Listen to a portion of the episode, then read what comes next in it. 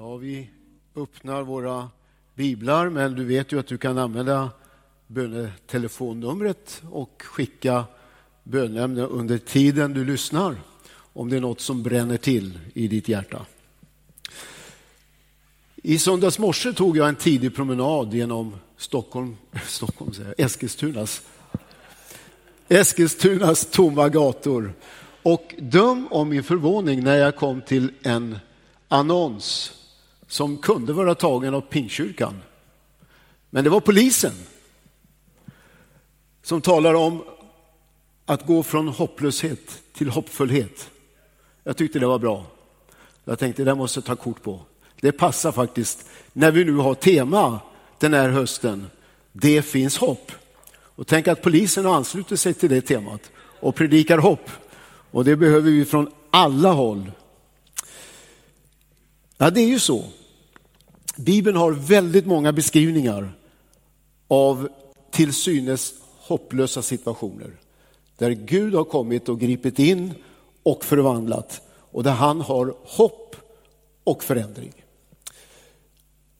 En, ett av de tillfällena eh, blev så aktuellt för mig när jag i min vardagliga läsning kom till den här boken i Gamla Testamentet som heter Ester. Ester det är ju huvudpersonen kan man säga i den boken. Därför att eh, den här kvinnan, Ester, hon befann sig i en alldeles speciell kontext. Hon hade blivit bortförd, hon var landsflykting, hade blivit bortförd till Perserriket. Eh, och Perserväldet var ju ett stort och mäktigt rike. Och kung Ahasveros, han Hahasveros, han regerade över 127 olika provinser som sträckte sig från Indien ända till Sudan. Så en stor del av jorden som då var befolkad var en del av det här stora mäktiga riket. Den här kvinnan, en ung kvinna, hon var vacker, säger Bibeln. Hon var föräldralös och hon var adopterad av sin farbror. En, den här mannen han var en man med integritet och hade tagit hand om alltså den här unga kvinnan. Den här, den här boken är så spännande och intressant, vi har inte tid att gå igenom den. Förvånar mig att inte någon filmmakare har fångat upp den här berättelsen. Den är ju så rafflande och så otroligt intressant och spännande. Så jag rekommenderar att du läser Esters bok i Gamla Testamentet. Så den här unga flickan som kom då ifrån, deporterad till det här, till, eh, till eh, det här stora riket, mäktiga riket. Hon blir plötsligt, genom märkliga vägar, blir hon drottning i det här riket. Alltså alldeles intill den, rik, den mäktigaste mannen i det här mäktiga världsriket. Och jag skulle tänk, kunna tänka mig att hon ibland ställde sig frågan, hur hamnar jag här? Hur blev det på det här sättet? Jag, en ung, landsflyktig tjej, föräldralös, fattig, har kommit hit till ett nytt land och plötsligt så är jag drottning. Tillsammans med kungen, den mäktigaste familjen i landet, First Lady i det här mäktiga riket. Hur hamnar jag här? Vad är det för tillfälligheter som har fört mig till den här positionen? När man läser den här boken så ser vi att historien tar en förfärlig vändning. Helt plötsligt så finns det ett förintelsehot över hela det judiska folket som fanns i riket utspritt. Och eh, man stiftade en lag att ett visst datum så skulle hela den judiska befolkningen utrotas. Alltså Holocaust, utplåning.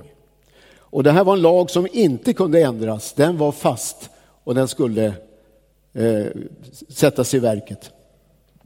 När alla judar fick höra det så vände de sig naturligtvis i bön till Gud med fasta. Och den här situationen, det var inte den sista tyvärr, som hotade judiska folket. Gång på gång så har hotet om utplåning vilat över dem. Och vi vet ju senast under andra världskriget hur Hitler försökte och lyckades till stor del, men inte alls, utplåna det judiska folket. Än idag lever de faktiskt under det hotet. Jag läste en artikel om president Abbas som i eh, den 17 september, alltså för drygt en vecka sedan, står inför FNs generalförsamling och talar och världen applåderar. När han säger slut i sitt tal så applåderar världen. Och han säger i sitt tal bland annat så här. Ni får Israel, ni får ett ultimatum. Ge er iväg från vårt land inom ett år. Annars. Och världen applåderar. Så här har det varit genom historien. Och det här kom till det här ögonblicket alltså kring Ester och hennes folk. Ett fruktansvärt hopplöst läge. Och det är då man alltså vänder sig till Gud, det är då man börjar be. Och Ester hamnar i ett svårt dilemma. Hur skulle hon agera? Hon var ju själv judinna. Och att agera för henne, det var faktiskt förenat med livsfara. Men då säger man till henne, och det är det här som jag vill att du ska tänka igenom ikväll. Hennes farbror säger till henne, och det bibelordet kommer upp nu, det står i det, det fjärde kapitlet i Esters bok. Eh, så står det där i vers 14. Eh, så säger eh, hennes farbror så här. Tiger du denna gång ska judarna få hjälp och befrielse från annat håll men du och din fars hus kommer att förgöras. Vem vet om du inte har nått kunglig värdighet just för en tid som denna. Just för en tid som denna. Och Ester riskerade sitt liv, hon handlade och kungen gav judarna rätt att försvara sig. De fick övertaget över sina fiender och situationen räddades. Och som resultat av det så firar man Purimsfesten och det gör man än idag. Varje år så firar judarna över hela världen att man blev räddad genom en människa som stod för hopp i en hopplös situation och som blev inte bara ett hoppets förkunnare utan också hoppets redskap till en förvandling. Och jag tror att Ester plötsligt förstod, aha, det är därför jag är, har kommit till konungslig värdighet. Jaha, det är så att Gud har placerat mig här, just i den här situationen, just för den här tiden. Så har Gud placerat mig här för att jag nu ska kunna ge hopp till mina landsmän. Det här tycker jag är fantastiskt. Och nu tänker jag inte så mycket på Ester, jag tänker på oss idag. För vi möter ju också situationer som är kritiska och ibland till och med riktigt hopplösa. Vi möter det personligen och vi möter det också i vår omgivning. Men tänk att det finns hopp, att vi har ett hoppets budskap till vår samtid. Men det är inte bara att vi har ett hoppets budskap, vi är beredda att, att agera som hoppets redskap och vara med och se att situationen förändras. Så här säger Paulus i Efesierbrevets andra kapitel. Hans verk är vi, du och jag, skapade i Kristus Jesus till goda gärningar som Gud har förberett för att vi ska vandra i dem. Alltså, Gud har förberett gärningar för oss. Gud har förberett våra liv. Vi är ledda av honom. Och det här tycker jag är så spännande när man tänker, jag tänker på mig själv och du får tänka på dig. Att du är alltså placerad av Gud in i ett sammanhang just nu i ett speciellt syfte. Gud har placerat dig där. Det är inte slumpen att du bor där du bor. Det är inte slumpen att du har den adress du har. Det är inte slumpen att du går i just den skolklassen som du gör. Det är inte ödet som har lett dig till just din arbetsplats. Vänd på det och se att Gud har placerat dig där. För att du ska få vara en hoppsförkunnare. Stå för ett, ett hopp i människors situation och också vara med och vara ett redskap för att hoppet ska slå igenom och förändra människors liv. Vågar du tro, precis som Ester, att Gud har placerat mig här just för den här tiden? Jag träffade igår, på väg till Nyfors som vi hörde, så träffade jag eh, ett par som bor i samma område som jag bor, tillhör vår församling. Och vi stod och pratade en liten stund och mannen säger till mig, du det är ju fantastiskt. Jag var här för någon dag sedan och träffade Eh, en hantverkare och som visste att han var kristen och hantverkaren hade sagt till honom att ja, men du som är pingstvän och, och sådär. Och det hela leddes in på ett andligt samtal. Och han säger till mig, du, jag skulle vilja ha en, den här, en av böckerna som Staxet har skrivit. För den här mannen är ju, han verkar ju vara så öppen och så sug, su, det liksom suger av längtan att få prata andliga ting. Alltså, tänk att förstå att ja, men jag är placerad här för att jag ska få träffa den här, den här hantverkaren och få bli till välsignelse för honom. Jag gick eh, sen eh, och vi eh, träffade teamet som, som serverade kaffe och, och, delade ut kristen litteratur. Och där träffade jag en annan man som, som bor i området och som sa till mig, det är så fantastiskt att bo här. Dels är det nära till allt, men så har jag så mycket människor jag kan vittna för. Alltså jag tycker det är så fantastiskt. Det här är precis som Ester, att förstå att ja, men jag är placerad just här i mitt område, just nu, för att Gud vill använda mig, för att jag ska kunna få ge hopp till andra. Så jag skulle vilja inspirera dig ikväll att se lite grann på din situation och uppgradera dina tankar och säga till dig själv, tack Gud att jag bor just i det här kvarteret, på den här gatan. Tack Gud för de grannar du har gett mig. Tack Gud att jag går i den här skolklassen. Alla kanske inte behandlar dig jätteväl, men du är placerad där. Tack Gud för min arbetsplats. Jag är där därför att du har placerat mig där och du vill använda mig där. Kanske är det just för en tid som denna, just för en sån plats som du finns där. Ester förvandlade sin omgivning därför hon insåg att hon hade en uppgift för Gud precis där hon stod. Mitt i vardagen, mitt i det som hände i vardagen så hade Gud en uppgift för henne. Det står så här i ett av breven som Jesus sände till, till församlingarna i mindre Asien. Vi läser dem i Uppenbarelseboken. Och, och eh, församlingen i Pergamus får höra när Jesus säger jag vet var du bor. Jag vet var du bor. Och så kom beskrivningen av den platsen. Det var, det var ingen lätt plats. Pergamus var ingen lätt, ingen lätt stad att bo i. Gud sa, jag vet.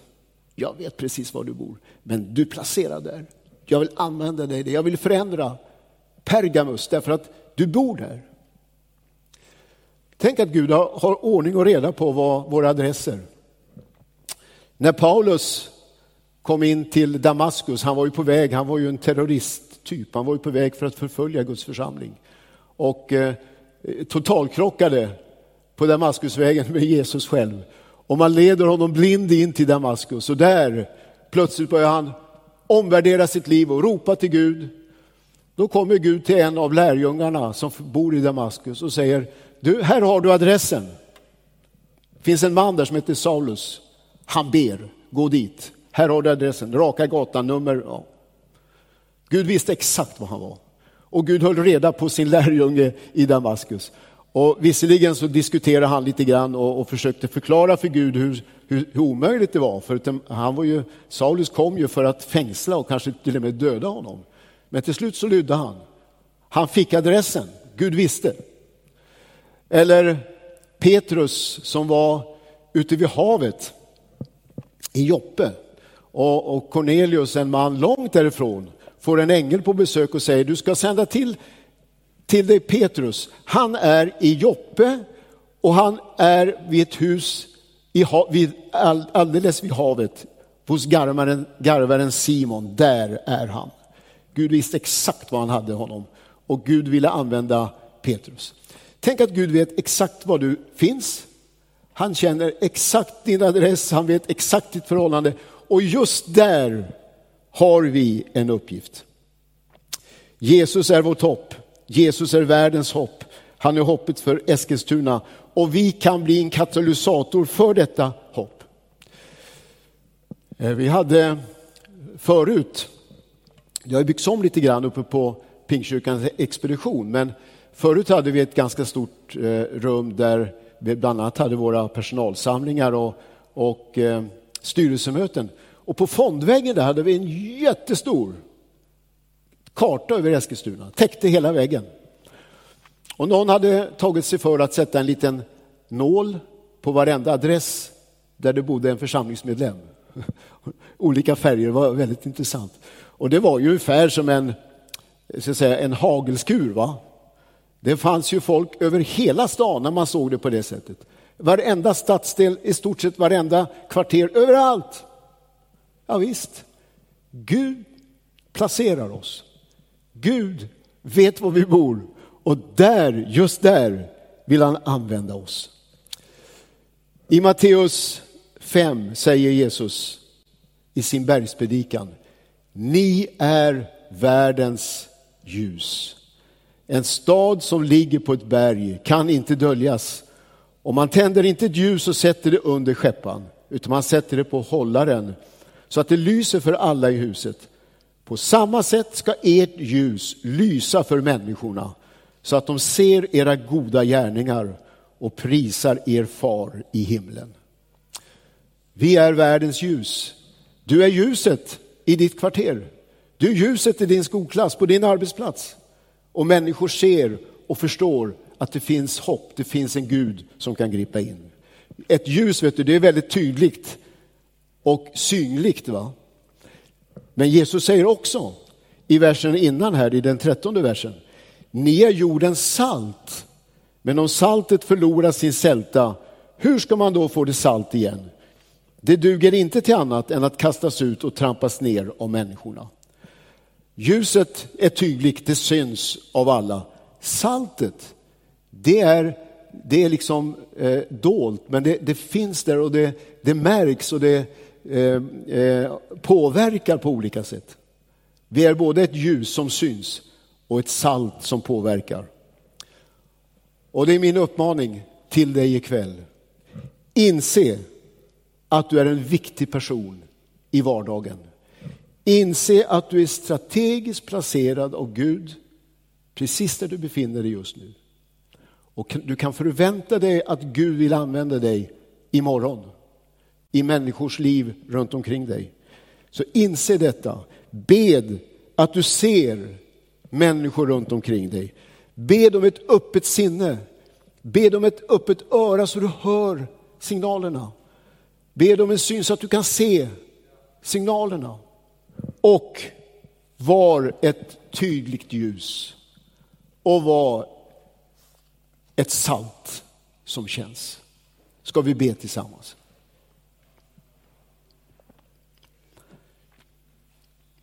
Tack Herre. Att du är en Gud som arbetar i vardagen med oss och genom oss. Tack Herre att du har placerat oss över hela stan här. Mycket noga, strategiskt placerat. Tack att vi finns på olika arbetsplatser, i olika, på olika sjukhem, på olika inrättningar. Överallt så finns det människor som står för dig och vill tjäna dig och vara hoppets förkunnare och hoppets redskap. Jag ber Herre att alla de här cellerna ska få aktiveras så att vi kan få vara hoppets förkunnare i vår tid. Och att vi som polisen får gå ut med budskapet om att även om det är hopplöst så finns det hopp och det är hoppfullt när vi får se till dig, du som är världens hopp. Tackar dig i Jesu namn. Amen.